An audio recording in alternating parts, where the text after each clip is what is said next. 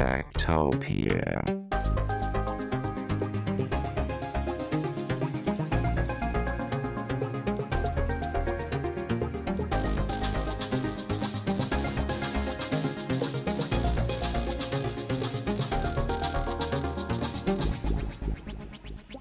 Tektopia er en podcast om mennesker og deres teknologi, udgivet af Ingeniørforeningen IDA i samarbejde med mediehuset Ingeniøren og China Experience, støttet af Innovation Center Danmark, IDA Forsikring og EUT Electronics of Tomorrow. Mit navn er Henrik Føns, og det er mig, der bestemmer i Tektopia. Tektopia.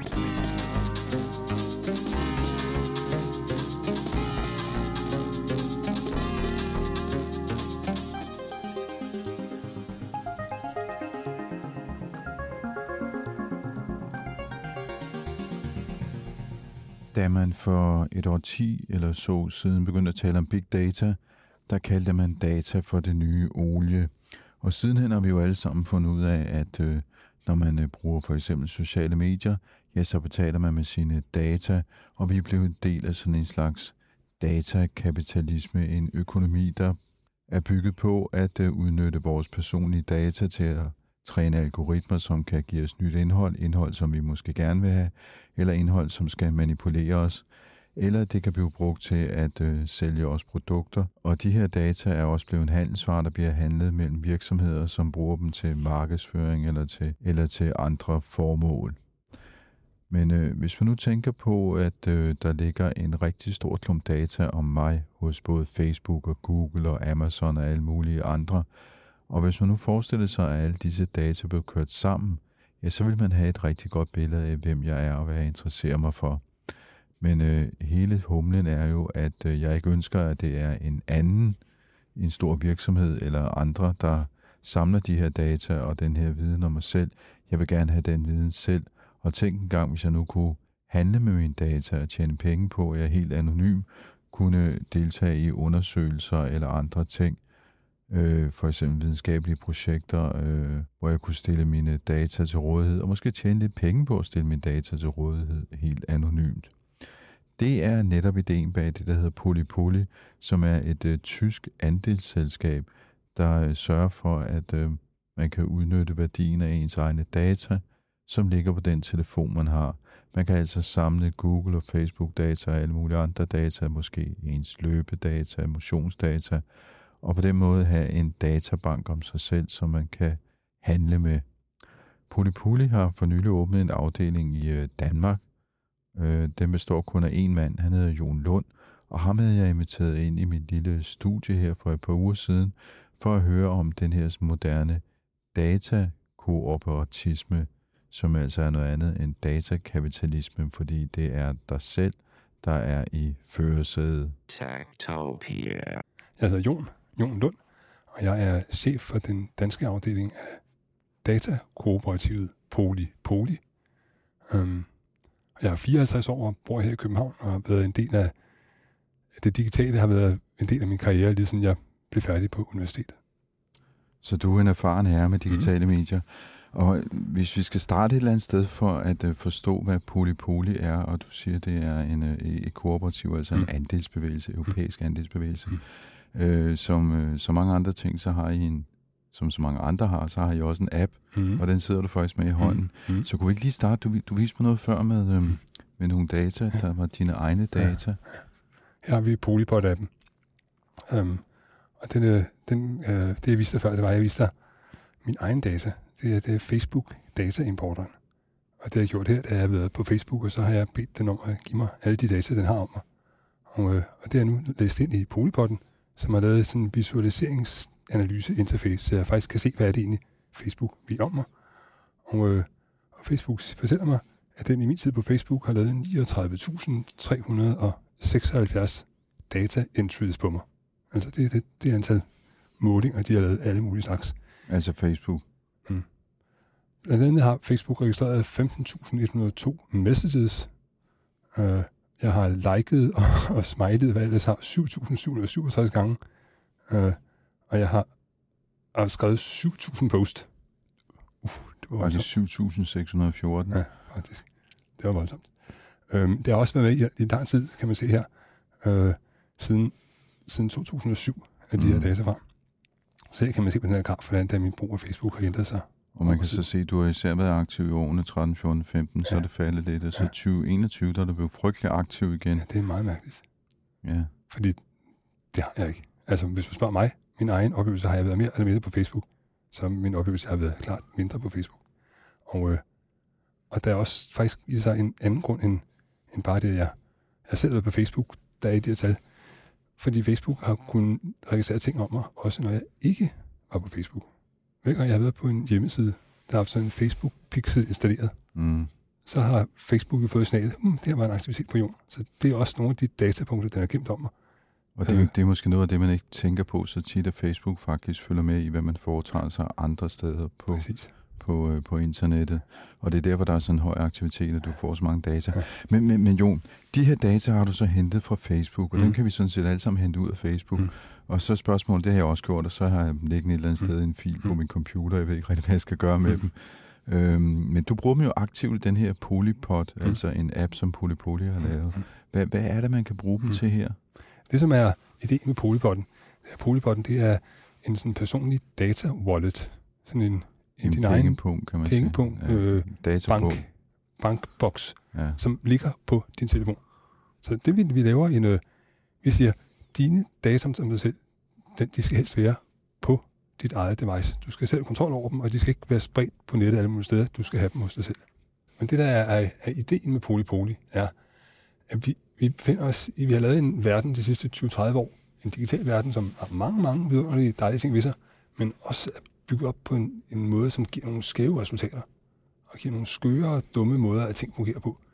Uh, alt lige fra monopoldannelse og små virksomheder, der bliver knækket med nakken, og teenager, der bliver kede af at være på Instagram, fordi der er for mange sådan, billeder, de bliver sådan for mindre værds følelse over. Og der, der er og der er generelt utryghed med, hvad er det egentlig i mine data, hvor ligger de henne, hvor at den, den følelse, man har som, som person. Men også sådan set øhm, virksomhedernes brug af data, som den her nye datadrevne verden, vi skulle i, hvor, hvor vi fra nu af jo gerne skulle bare blive mere og mere smarte på alting. Øh, og hvor, hvor den dataverden, vi har skabt, og de problemer, den har givet, og den reaktion, der har været på det med GDPR og cookiebox over det hele gør, at det faktisk også er, er blevet meget vanskeligt at bruge data.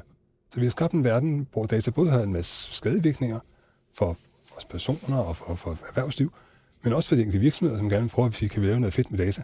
De har også svært ved det. Så der er sådan en data deadlock, og det er det, vi gerne vil prøve at, at løsne op for. Men jeg skal lige forstå det der med, at du siger, at de data ligger så kun på din telefon. Mm. De findes ikke andre steder. Og Facebook-data, altså, de findes stadigvæk på De Facebook. findes jo selvfølgelig. stadig hos Facebook, men... øh, Ellers så vil jeg ikke kunne gøre det. Men det vi vil gerne lave, vores vision er, og det er derfor, jeg siger, hvad er det? Du spørger, hvad, hvad er det, jeg bruger dem til? Mm. Så siger det, det, det mål, vi går efter med Polybotten, det er, vi vil gerne lave en, en app, som kan holde alle dine data for dig. Så du kan dele dem frit og selv kontrollere dem, og så du kan give andre virksomheder og organisationer lov til at bruge data på måder, du gerne selv øh, ja, vil have er fede. Så nu starter vi med Facebook-data, men det kunne også være mine øh, data på, øh, hvor, meget, hvor langt jeg går, hvad jeg Mm. spiser, hvordan min puls er, hvor meget sådan, motion jeg dyrker, eller hvilken musik jeg hører, hvilke film Mm. jeg ser, øh, hvilke aviser jeg læser, eller hvad det nu kan være. Altså alle mulige former for data, som min telefon jo faktisk samler op, fordi det er den, jeg bruger til alle de der ting. Altså den er på mange måder blevet omdrejningspunktet i at overvåge, hvem og hvad jeg er som menneske. Og så længe, at, at det er dig selv og sin egen telefon, der overvåger, overvåger hvad du gør, så, så, hvad er det, så er det faktisk meget fint. Det, Mm. mm. det, det, det, det, det problematiske er, hvis telefonen begynder at lægge ting op i skyen og lægge de oplysninger hos alle mulige forskellige, og det er det, de gør. Mm. Så, så vores idé er at sige, kan du få den rigdom af data, som din telefon kender til dig, for den kender jo sådan relativt meget alt om dig, og bruge dem på en fed måde. Det er det, vi gerne vil. Og det her med Facebook-data, det vi gør, det er, det er den, den del af vores projekt, som, som er sådan, måske verdenshistoriens største lad os tage vores data tilbage aktion. Over det næste år, der har vi lavet nu her først Facebook, og i løbet af få dage, uger, kommer vores Google-import. Så kommer vi til Amazon, Apple, så tager vi over det næste år de 10 største tech-tjenester og gør brugerne i stand til at tage deres egne data ud af dem og lægge dem ned på deres egne telefoner. Men det formål, at de får både noget viden om sig selv, men primært de får en en kæmpe datakapital, som i dag ligger spredt ud hos alle mulige tjenester, de bruger. De kommer nu i dag til også at ligge hos dem selv. Og det gør dem i stand til, gør brugerne i stand til selv at bruge de data til noget.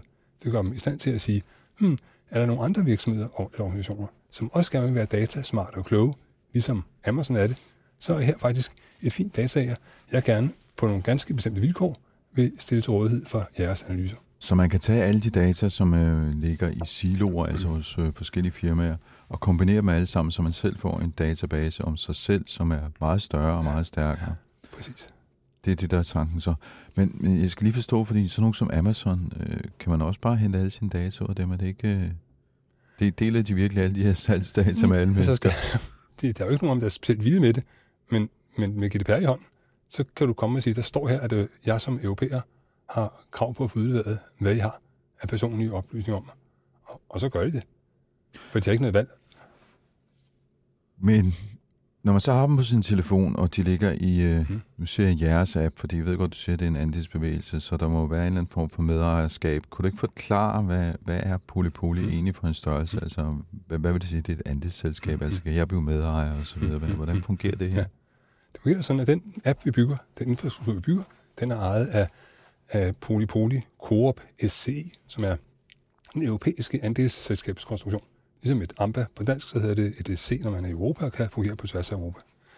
Øh, og øh, et andelsselskab er jo sådan en størrelse, hvor, hvor man er ejet af medlemmerne, øh, og hvor medlemmerne de har, har lige indflydelse. Det er en mand, en stemme, som man møder op på generalforsamlingen som medlem, og stemmer for og imod forskellige forslag og vælger en bestyrelse. Så medlemmerne bestemmer, hvad der sker, og alle medlemmer bestemmer lige meget. Og de bestemmer lige meget, uanset hvor mange penge de har med i cirkuset her. Øhm, så andelsformen er en garanti for, at der ikke er nogen pengemagter, der kan købe sig ind og kubbe øh, hele lortet og løbe deres vej, eller sælge det igen, når det bliver en kæmpe succes. Altså forstå på den måde, hvis nu øh, Facebook eller Google sådan tænker, jamen her er så en upcoming konkurrent, vi køber dem op, ligesom de har gjort med andre virksomheder, så skal det være en enig generalforsamling, Mm. Tre, tre, tre fjerdedel af medlemmerne skal stemme for vedtægtsændringer, som det her vil, vil kræve. Mm. Mm. Øh, og det at blive medlem, det øh, er noget, som alle europæiske privatpersoner kan blive. Firmaer kan ikke blive medlem, men, men alle, alle europæere over 18 år kan. Øh, og man bliver medlem ved at købe en eller flere andele. Og du kan købe lige så mange, du vil. Du må gerne købe 100, du må også gerne købe 1000. Det koster 5 euro stykket. Men hvis bare du køber en, så er du medlem og har lige meget indflydelse som alle andre medlemmer. Og nu siger jeg lige meget indflydelse, altså hvad, hvis jeg nu vil bruge jeres øh, Ja. spiller det sådan nogen rolle, om jeg er medlem eller ikke medlem? Overhovedet ikke. Du kan bruge den på præcis samme vilkår, uanset hvad du er. Medlem, det bliver du, hvis du gerne vil være med til at bestemme, hvor den skal gå, og gerne vil støtte op om ideen om forslaget, for, for, for det er jo det vi har brug for. Vi har brug, mega meget brug for, for at få støtte. Så, så du, er med, du er medlem for, for at være med i en bevægelse, der siger, at vi vil gerne frigøre vores data og skabe en mere retfærdig og mere effektiv dataverden. Øh, og også hvis du gerne vil have en del af det overskud, der måtte komme af, af systemet øh, øh, senere hen. Og nu siger du overskud, så der må være en forretningsmodel. Forretningsmodellen er, det som vi gør med den her pot, der dels vi har potten som, som et datalager, der er også en del af appen, som er, er ud over datalageret, er en, en virtuel server, som gør øh, appen i stand til at lave beregninger på de data, man har i sin data wallet. Øh, Ja, det skal lige være klar en virtuel server. En virtuel server, det, er, det betyder sådan set bare, at appen den kan lave beregninger. Den okay. kan have nogle data, og så kan den lave nogle beregninger på data. Som, og det sker også på telefonen. Det skal alt sammen på telefonen. Mm. Intet, in, princippet er, at ingenting behøver at forlade telefonen. Så det vil sige, at vi siger, kan virksomhed i dag, for at du i dag prøver at samle data sammen fra alle dine brugere og kunder og medlemmer, ellers har derude, og så tager på en egen server og får sætte op derop og stå og koder nogle algoritmer, der skal køre rundt på dem og bruge masser af kræfter på at opdatere de data, som jo hele tiden bliver forældet og er lidt forkert i det. Alt det bøvl, det kan vi spare dig for, fordi vi har vores egne devices, der har vi selv vores data, og selv vores processorkraft til at køre alle analyserne for dig. Så tag du og skråt nogle af de der datacenter setups, du har, du har stående. Øh, spar det og brug pengene på, på Polypod, i stedet for at give dem direkte til, til brugerne, i stedet for at give dem til alt muligt kedeligt øh, teknisk rejse. Øh, men øh, s- det det er åbenlyse, måske lidt dumme spørgsmål. Mm. Altså folk går hele tiden rundt og tager deres telefoner, og de går i stykker. Ja. Altså jeg kender, jeg kunne se dine skærme også lidt småsmadret. Ja. Altså, så du er også en af dem, der går og taber telefonen. Hvad nu, hvis man tager den i vandet, den bliver væk? Ja, det er noget Hvad så med ens data, Ja. hvis de kun findes Ja, på telefonen? De findes øh, på dine devices. Så, så data findes også på din øh, iPad og på din computer. Og måske findes den på din Playstation.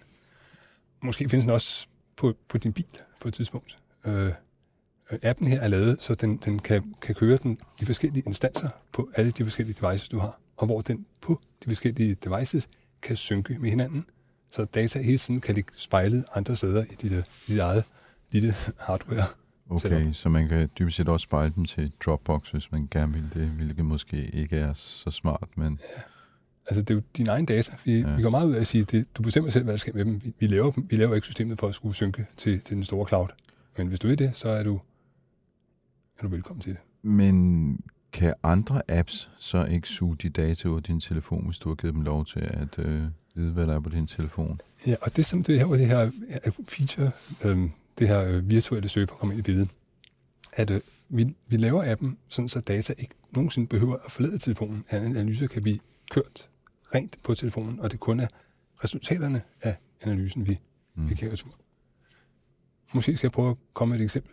Ja, det tror jeg er en god idé. Lad os Fint. få et Ja, eksempel. eksempel. Nu, Vi har- vi, vi- vi, vi- er snart et kvarter, vi må have, vi må have et eksempel. Vi arbejder med en, et globalt øh, modetøjsbrand, Mm. som øh, er, er ked af den måde, klimaet det går på, og er ked af den måde, deres tøjproduktion påvirker klimaet, fordi de laver ikke meget tøj, der ender med ikke at blive solgt, øh, og det, det er ikke godt for nogen. Så det vil de gerne prøve at lave om på, og det gør de på forskellige måder. En af dem er at gå over og lave nogle tøjkollektioner, som er skræddersyet, så de slipper for at skulle producere 10.000 jeans, hvor de 8.000 bliver, bliver brændt, fordi de ikke bliver solgt. Det er jo kun de jeans, som der faktisk er folk, der gerne vil have.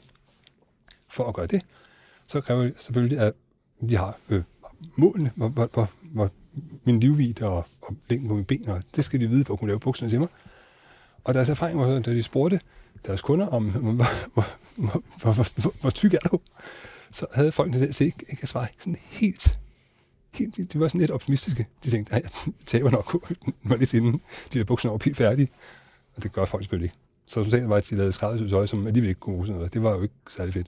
Nå, løsningen på det, tænkte de, det er, fint, vi tager billeder af folk. Vi laver sådan en 3D-scanning, og så kan vi måle op på billeder, så det kan ikke lyve. Så er vi home safe. Så det, det, det tænkte jeg, det var nok en god idé. Indtil de kom til at tænke på, de her billeder, hvor nu de skal ligge henne. Øhm, og så fik de tanken om, de skulle sidde inde på en database med, os sige, 100.000 halvafklædte modetøjskunder, der lå på en eller anden server, som så bliver hacket, og så tænkte de, fuck mand, vi skal ikke på forsiden af det der Mm. ekstra bedre sejt. Det, det, det, det, det, var, det dur sgu ikke. Vi skal ikke have sådan, sådan, det skal vi ikke have noget med at gøre. Og så kom de så også og sagde, fordi de havde hørt om os, og sagde, hmm, måske har vi en, en løsning her. Hvis nu vi lader billederne, de her 3D-scannede billeder, blive på telefonen, og opmålingen af, hvor tyk er, det sker på min telefon selv. Så telefonen beholder billederne, kun sender de mål afsted, der er vigtige for, at jeg kan få lavet bukserne, så de passer. Men at de er mere følsomme. Min billede af mig i undersøg, det er beliggende på min, på min telefon. Altså data, billedet beliggende på min to, telefon, algoritmen, opmålingen af 3D-scanningen sker på min telefon. Kun resultatet, nemlig hvor store bukser skal jeg have, kommer jeg tur til modefirmaet. Og så skal man bare selv være opmærksom på, at man ikke deler de der fotos eller andre følsomme data med Ja. andre apps på telefonen. Ja, det er jo ligesom alle andre billeder Ja. ja. på din telefon, og dem skal du lade med at, dele. Mm. Øh, men ja, Og ikke uploade den til skyen i andre fototjenester osv. Altså Ja. man skal, man skal være lidt vågen, ikke? du skal være ligesom, ligesom du er i dag med, hvad du ellers har billeder, og hvad du laver optagelser på din telefon. Ja, det, det skal man.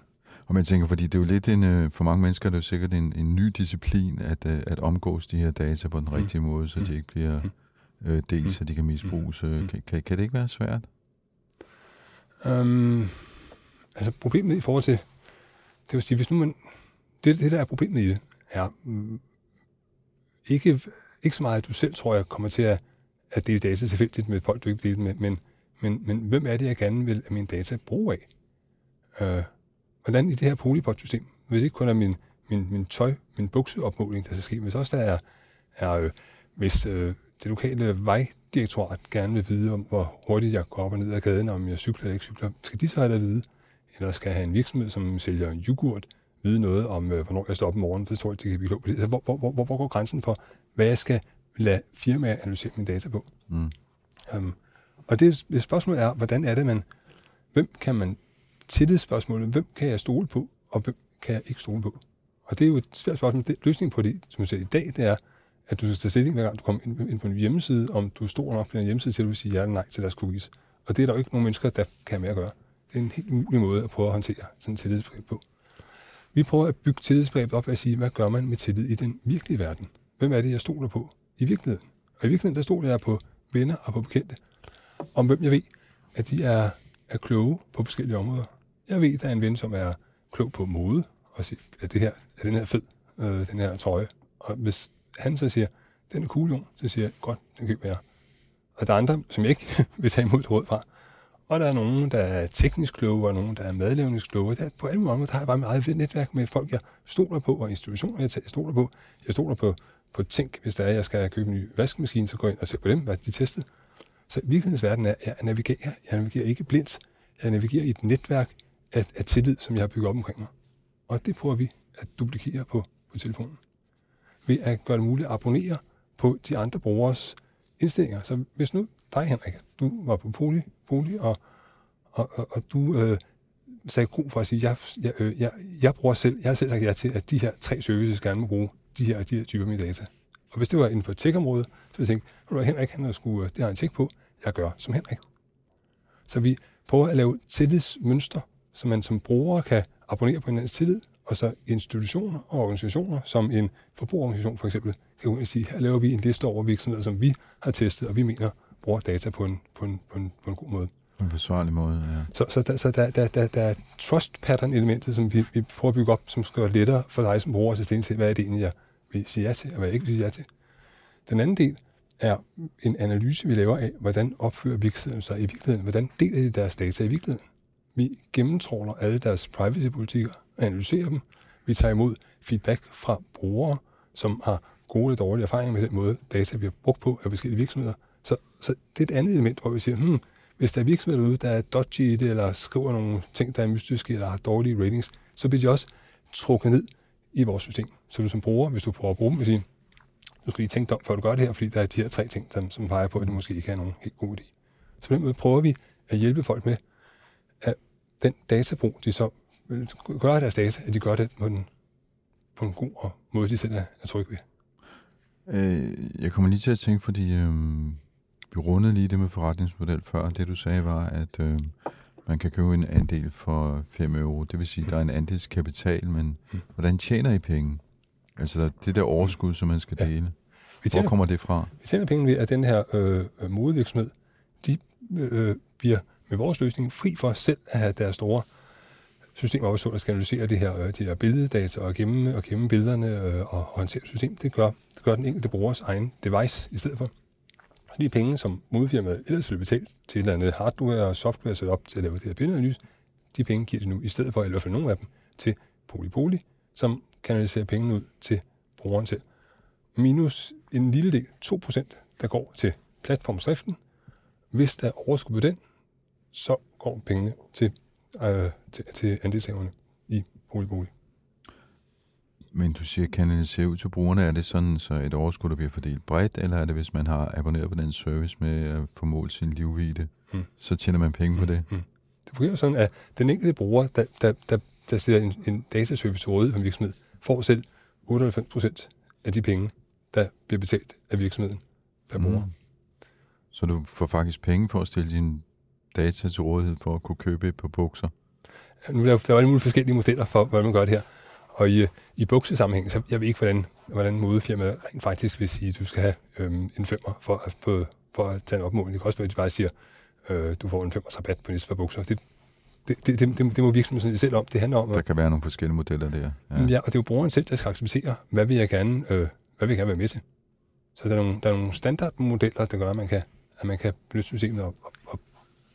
Fordi det, det er måske en anden, anden form for, for brug af systemet er. Ja, øh, en ting er, at vi har det med at kunne køre nogle beregninger ude på folks telefoner. Noget andet er bare at, at hjælpe virksomheder med at holde deres kundedatabaser ved lige.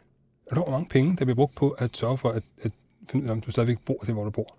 Om din mobilnummer har ændret sig, om du har samme e-mail, eller om du er blevet flyttet, eller om du har er blevet skilt, eller om dine børn er flyttet hjemmefra.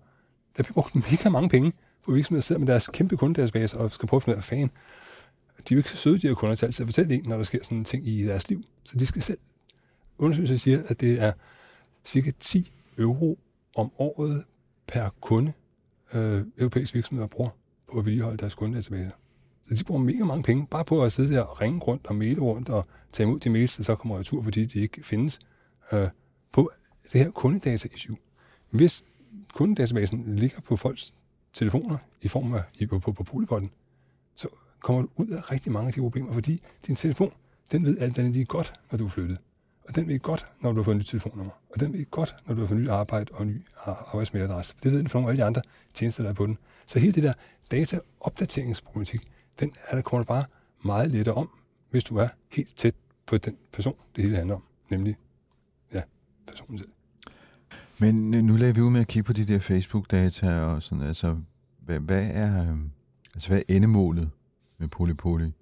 Er det at, øh, at ødelægge det her sådan datamonopol, som øh, tech-giganterne har, eller hvad, hvad, hvad, hvad er det egentlig, I går efter? Er det sådan idealistisk, eller? Jamen, vi, vi, vi går efter at skabe et, et internet, hvor data kan blive brugt på en måde, som, som både giver innovation og, og, og effektivitet og, og indsigt og glæde, og giver også, også, også giver penge til, til brugerne selv, og giver, og giver, sådan, giver handlekraft. Altså hvis, hvis, hvis data er det råstof, som fremtiden er bygget på, så er det bare ikke fedt, at de data, der handler om os selv, det er ikke nogen, vi selv rigtig kan gøre noget ved. Altså det, det er jo, hvis det er vores største aktiv, så skal vi da kunne have fat på dem og kunne bruge dem til noget. Så, mm. så, der er, så målet er at, at skabe en dataøkonomi, der fungerer, øh, så individerne, vi alle sammen, er, er, er, kan, kan skabe de liv, vi gerne vil med vores data, og så virksomheder kan lave forretninger og services til os, som er super fede og personaliserede og bygger på dybe indsigter i alle mulige datamønstre. Kan man bruge, øh, kan man bruge de beregninger, som øh, Polypoden laver i, i andre apps? Altså kan man, hvad skal man sige, bygge jeres funktionalitet ind i andre apps? Øh, ja, og du kan ganske særligt tage det, vi har. En del af Polypoden er en, en feature store, som sådan en slags app store, hvor man som udvikler kan, jo, kan lave de her mini-features apps og få dem til at fungere inde i Polypoden. Så du som Polypod bruger kan gå ind i din egen feature store, app store, ting her og sige, hmm, hvad vil jeg gerne have i stedet her, der trækker på mine data. Så, så, ja, det, det, det, det, det, det model. modellen. Modellen er, at, at du, du kan tage din, din fede app og få dem lavet som en slags polypod-apps inde i Polypod, så det bliver en super app, ligesom ja, en, en app, der kan rigtig mange ting på samme tid. Alt det, som du lægger ind i den. Det hele er open source. Det er bare at gå i gang med at kode. Um, Men det vil sige, at man kan putte Polypod-funktionaliteten ind i andre apps, altså, sådan Polypod- at jeg, jeg som andelshaver kan, eller som Du, bruger. du, du kan gøre to, to ting. Det, den ene er, at du kan bygge dine andre apps ind i Polypodden. Det er det, jeg prøver at beskrive. Og den anden er, at Polypodden kan bringes ind som datalager i andre apps. Så hvis du har en eksisterende app øh, for alle dine 200.000 kunder i din øh, Henriks, øh, Henriks Bix, øhm, Tektopia. Ja, Tektopia, Tektopia-appen med 200.000 brugere. Øh, så kan du øh, sætte poolpotten ind som datalager. Så du siger, kære bruger fra nu af, der vil jeg egentlig ikke øh, være sådan der tager jeres data fra jer og selv sidder og, og, og behandler dem på en mulige sted, I ikke rigtig helt er sikker på, hvad er. Jeg, har- jeg vil opgradere nu til en verdens bedste øh, privatlivssikrede dataminimeringssystem, nemlig poolpotten. Så fra nu af, klik her, ja tak, til at du vil have en, en, en Tektopia-app, som fungerer persondatamæssigt super meget bedre end, end noget, du ellers har set, og giver dig selv mulighed for at bruge alle de her data om din Tektopia-lytning, også i andre sammenhænge. Og nu kan det godt være, at vi bevæger os ud af en tangent, men øh, jeg- jeg bliver lige nødt til at spørge om noget her, fordi problemet med podcast er jo, at jeg kender jo ikke mine lyttere. Nej, Jeg ved, jeg ved jo reelt set ikke, hvem det er, der lytter. Jeg ved, der er nogen, der har downloadet dem, men jeg aner ingenting om dem. Jeg ved ikke, om de er mænd eller kvinder, eller hvor lang tid de... Jeg ved faktisk ikke engang, hvor lang tid de lytter, fordi det kan jeg heller ikke se, når de først har downloadet den til telefonen. Så hvis man lavede en app, Mm. hvor man kunne øh, lave en integration med Polypod, Mm. så kunne jeg faktisk pludselig få en masse ting at vide om mine lyttere. så kunne du spørge lytterne, kære lytter, du bruger Tektopia-appen, vil du med til at fortælle Henrik noget om, om hvem du er, så du kan lave nogle, nogle, nogle lytterstatistikker til ham, så han ved, hvor mange der er mænd og kvinder, om de bor i København eller på Jylland, om de er ja, uddannelse, alder, øh, hvor meget de jogger, øh, alt, alt, alt de her, de her mønstre, du kan få ud af ved at se på, på data tværs af, af brug. Fordi hvis man mangler indsigt i, i data omkring øh, ens kunder eller brugere, så kan Ja. man faktisk øh, hente det på en øh, dataforsvarlig, en dataetisk måde ved at bruge jeres service. Mm, præcis. Og det er, Ja. ja. det, det, som, det er jo det, som mit arbejde blandt andet består i, det er at sige, hvad er der af virksomheder og organisationer, som gerne vil have en anden måde at blive klogere på deres kunder og, og ku- kunder på? Og kan vi bygge noget, øh, som, som gør det muligt? Og når jeg siger vi, øh, og så spørger mig selv, så du kan i princippet selv gøre det. Øh, øh, men Poli, Poli er jo, vi havde tre års fødselsdag her i forårs, Øh, øh, vi er 30-40 mand, og vi bygger på livet løs, og vi er nu på fase, fase 1-2 ud af den her femtrinsmodel, vi, vi skal igennem, før alting virkelig spiller.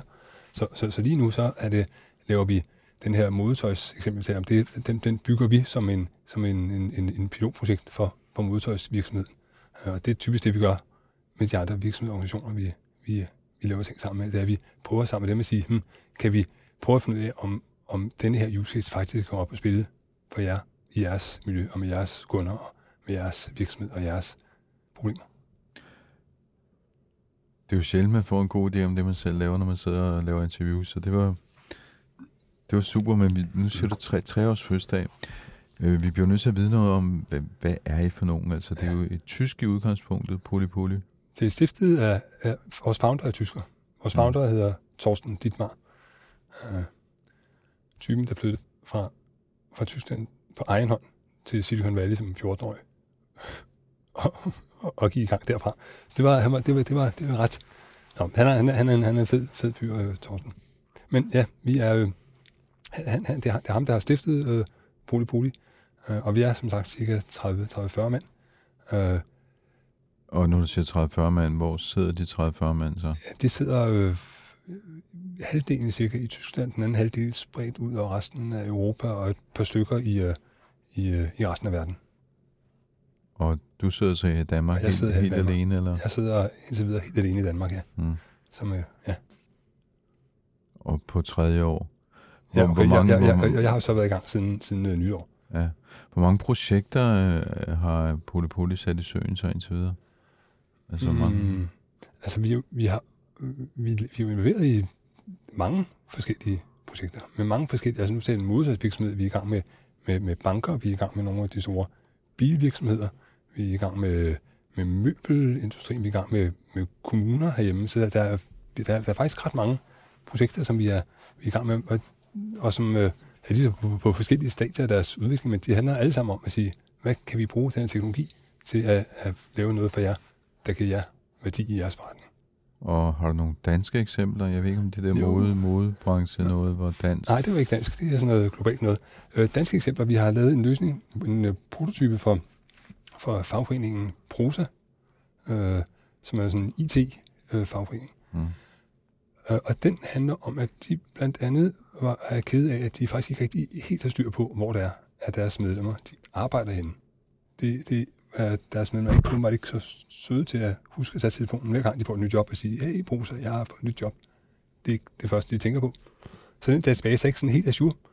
Og det er lidt et problem for en fagforening, fordi den jo blandt andet har som formål, at den i, altså, i sidste ende skal kunne strække. Og det er svært at kommunikere folk på strække, hvis ikke du ved, hvor de er henne i verden.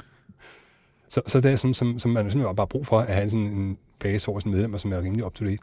Og det vi har gjort, det er, at vi har lavet en, en, en polypod prototype, som selv synker den oplysning om, hvor de rent faktisk arbejder oppe fra, fra, fra, fra, fra, fra medlemmets egen skattemappe på skat.dk. Sådan så medlemmet hele tiden på sin egen polypod vil have, have, have, have hentet data om, hvor er det egentlig, jeg arbejder henne. Men hvis vi prøver på at føre den videre, den her, så, er det, så er det her, det her, hvor vi arbejder henne, det lyder selvfølgelig måske halvkedigt, men ikke som det, så er det altså vigtigt for, for Prosa at vide. Og et eksempel på den type data, som sådan nogle kun medlemsbaser har bare de bliver bare hullet, fordi det gør de. Øhm, en anden ting, de Prosa gerne vil vide, og som alle fagforeninger gerne vil vide, det er, hvor mange, hvor mange penge er det, vores medlemmer tjener, så vi kan lave en lønstatistik, så vi kan guide folk til bedre lønforhandling og holde det der pres op på, ja, i forhold til arbejdsgiverne. Og der er problemet det samme, at folk de er, de er ikke så søde, som de kunne være, til at huske at fortælle Brusa, hvad din tjener løn, eller lave de en gang om året rundspørg og fortælle, hvad du, hvad du tjener, så vi kan lave statistikken. Og de samme oplysninger ligger jo også på folks egen skattemappe op på skat.dk. Så, så øvelsen handler også om at sige, kunne vi gå op og så tage, lade folk selv opdatere, hvor meget de egentlig tjente i januar måned i år, hvis det er den måned, vi taler om, så den ligger på deres egen telefon, så man fra telefonen der vil kunne, Polipodden vil kunne lave den her lønstatistik til bruser. Og ideelt set lavet på en måde, så bruger ikke behøver for at vide, hvor mange penge jeg egentlig tjente, men at systemet på tværs af polepopmiljøet selv kunne regne gennemsnittet og medianer og brancher og anciennitet og alt den slags ud, og bare producere den samlede statistik. Ja, fordi det tror jeg faktisk er et problem for mange fagforeninger, det der med at finde ud af, hvad, hvad, hvad tjener folk egentlig, og, og man glemmer jo tit at sende de der oplysninger selv, når man får et spørgeskema. Øhm, og folk vil måske heller ikke altid dele det, så det giver da god mening. Mm. Men jeg kan ikke, øhm, i forlængelse af det, vi også snakker om tidligere med, øhm, hvis øh, telefonen gik i stykker eller blev væk. Altså man siger jo, at alt det, der kan hackes, bliver hacket. Mm. Så man kan vel også få hacket sin telefon Ja. og forståle sine data. Ja, det kan du. Øh, og det, der taler for os den sammenhæng, det er, at det er jo ikke sådan let at hacke en telefon. Det, det, det, det, det er jo en økonomisk aktivitet for en hacker at sige, hvor mange måneder vil jeg bruge på at lave en hack, som jeg kan få nogle data ud af. Og det kan jo godt betale sig dig, regnestykke, hvis du er god hacker, og hvis du kan hacke rigtig mange oplysninger på samme tid. Hack en, packingbase base med en million kundeadresser øh, øh, i, det, det er fedt. Hack en telefon, der kun har data om mig selv. Og så skulle vi til dig næste gang og bruge to måneder på at lave et nyt hack til din telefon, og så videre. Det, det, det kan ikke betale sig. Så, så der er en, der, der er en, vi, vi udnytter, det er sådan en anti-honeypot-model. Man siger sådan nogle store datasamlinger, hvor du har mange data stikket sammen. Det udgør en honningkrukke, sådan en, der mm, trækker, trækker alle bierne og bjørnene til. Det her, boligpotten, er en, en honeypot uden noget honning i. Eller kun med meget, meget lidt honning, som gør, at det, det, det, det er sgu ikke så lokkende. Det er ikke så tillokkende for hacker at gå i gang med den.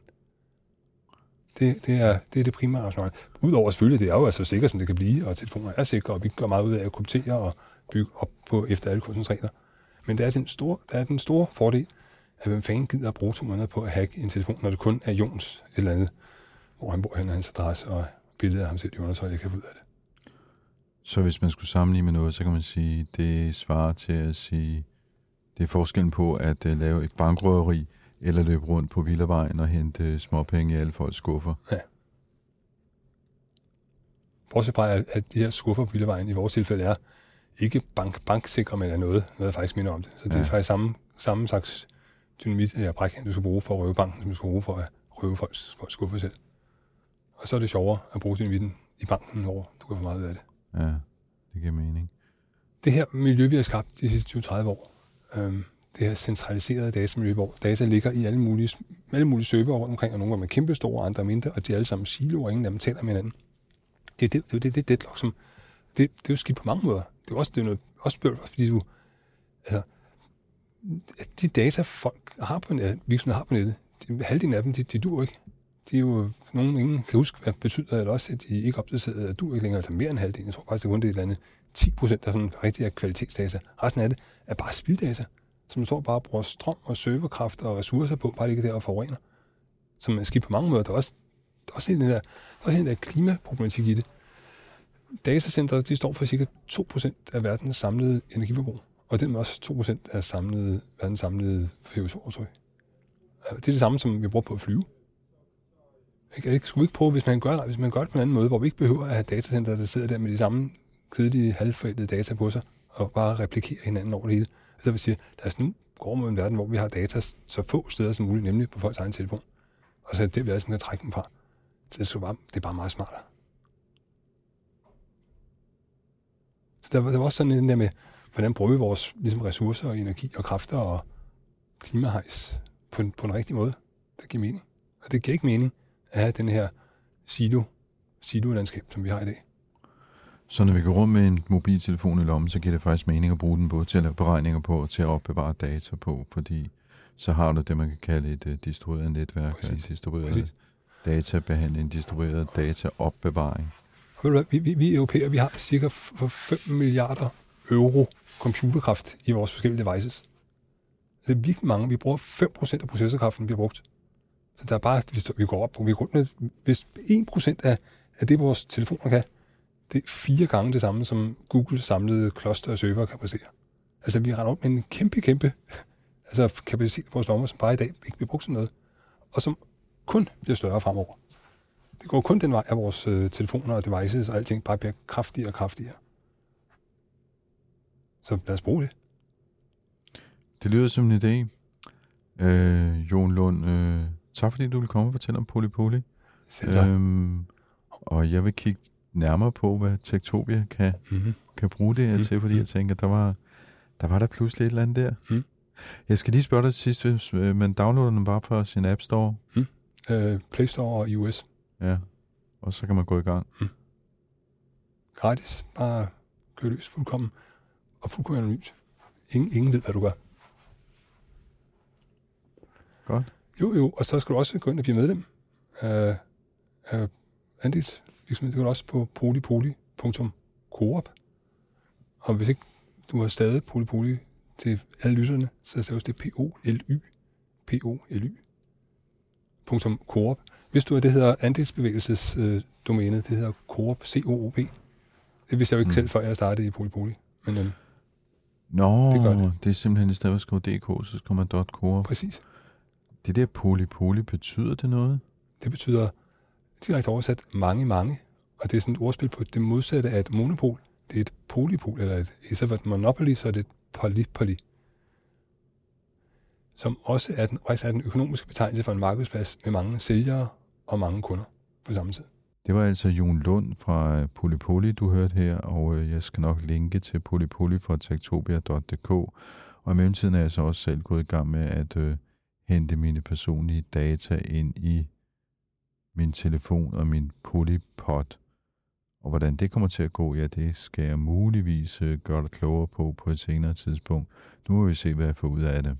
Techtopia. I denne uge har vi også modtaget et øh, podkort fra Ingeniørens podcast Transformator. Her er to lyde. Først en lyd fra fortiden. Now, at this moment, Turkar is pulling up the nose.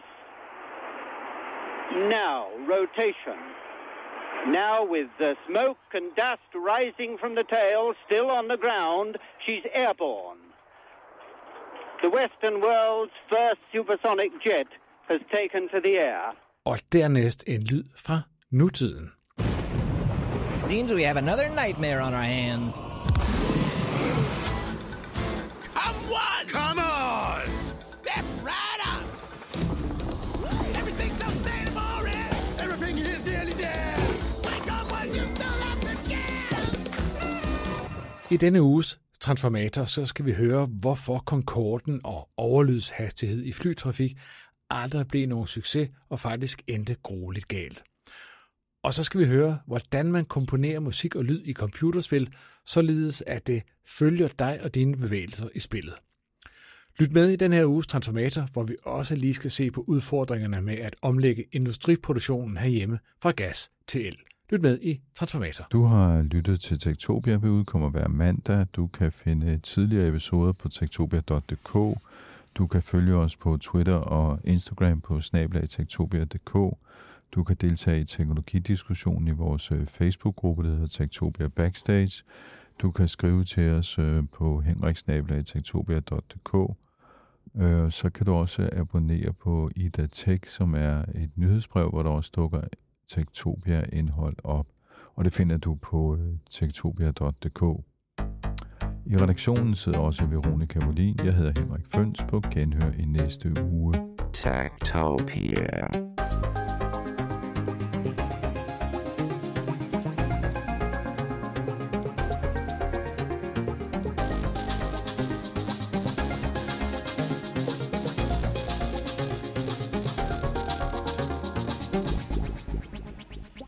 Tektopia er en podcast om mennesker og deres teknologi, udgivet af Ingeniørforeningen IDA i samarbejde med mediehuset Ingeniøren og China Experience, støttet af Innovation Center Danmark, IDA Forsikring og EUT Electronics of Tomorrow. Mit navn er Henrik Føns, og det er mig, der bestemmer i Tektopia. Tektopia.